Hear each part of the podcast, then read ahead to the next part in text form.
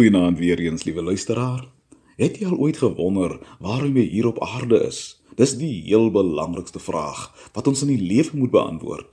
Waarom is ek hier? Wat is my skepingsdoel? Wat is God se plan vir my? En dis nie iets waaroor ons vir die res van ons lewe kan bly wonder nie. Daarvoor is die lewe gans te kort. Ons moet so gou moontlik klarigheid kry en ons daagliks met ons skepingsdoel besig hou, want net dit alleen gee sin aan ons bestaan. Natuurlik het ons nie onsself hier op aarde geplaas nie. Nee, God het ons bestem om hier te wees, ongeag die omstandighede rondom ons geboorte. En ons aankoms hier het hom nie onkant betrap nie. Hy het ons geken nog voor ons gebore is. Hy het ons in ons moederskoot vir 'n spesifieke taak afgesonder en toegerus. Nou sê hy in Jeremia 29:11, ek weet watter gedagtes ek gaan gaande jou koester, watter planne ek vir jou het, wat ek met jou lewe wil bereik en hoe brand sy hart nie vanaand om sy plan, sy doel vir ons lewe met ons te deel nie.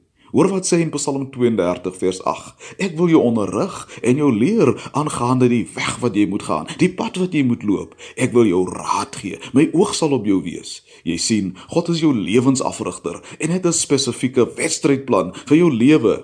Jy durf die lewe nie daarsonder aanpak nie.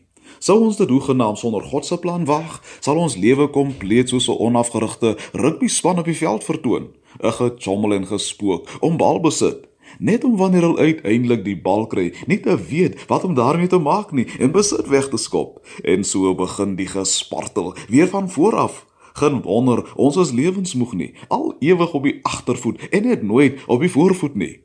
Daarom is dit van kardinale belang dat ons met God bemoeienis maak en 'n intieme persoonlike verhouding met hom het, sodat ons by hom kan hoor wat sy plan en doel is vir ons lewe. En weet een ding verseker, God speel nie wegkruipertjie nie. Nee, hy's 'n doelgerigte en planmatige God. As 'n mossie nie val sonder hom nie, dan verseker ek en jy ook nie. Die Bybel sê hy het aan Moses sy weë bekend gemaak, sy wedstrydplan met hom gekommunikeer. Want Moses het tyd met die Here gespandeer. Hoe anders sou hy sy volk uit Egipte kry en deur die Rooi See, soos op droë grond? Hoe anders sou hy die Amalekiete oorwin en sy volk voed in die woestyn? Hy het sy wedstrydplan by God gekry en met militêre akkuraatheid uitgevoer. Geen wonder die telling op die telbord was vir hom gunstig toe die eindvletjie blaas nie. Luisteraar, hoe wonderlik sal dit nie wees as ons almal ons skepingsdoel verstaan en uitleef nie. Ek sê jou, dit sal hemel op aarde wees. Kom ons bid nou saam. Hemelse Vader, dankie dat ons toenemend ons hier wees verstaan en elke dag in U plan vir ons lewe stap. Amen.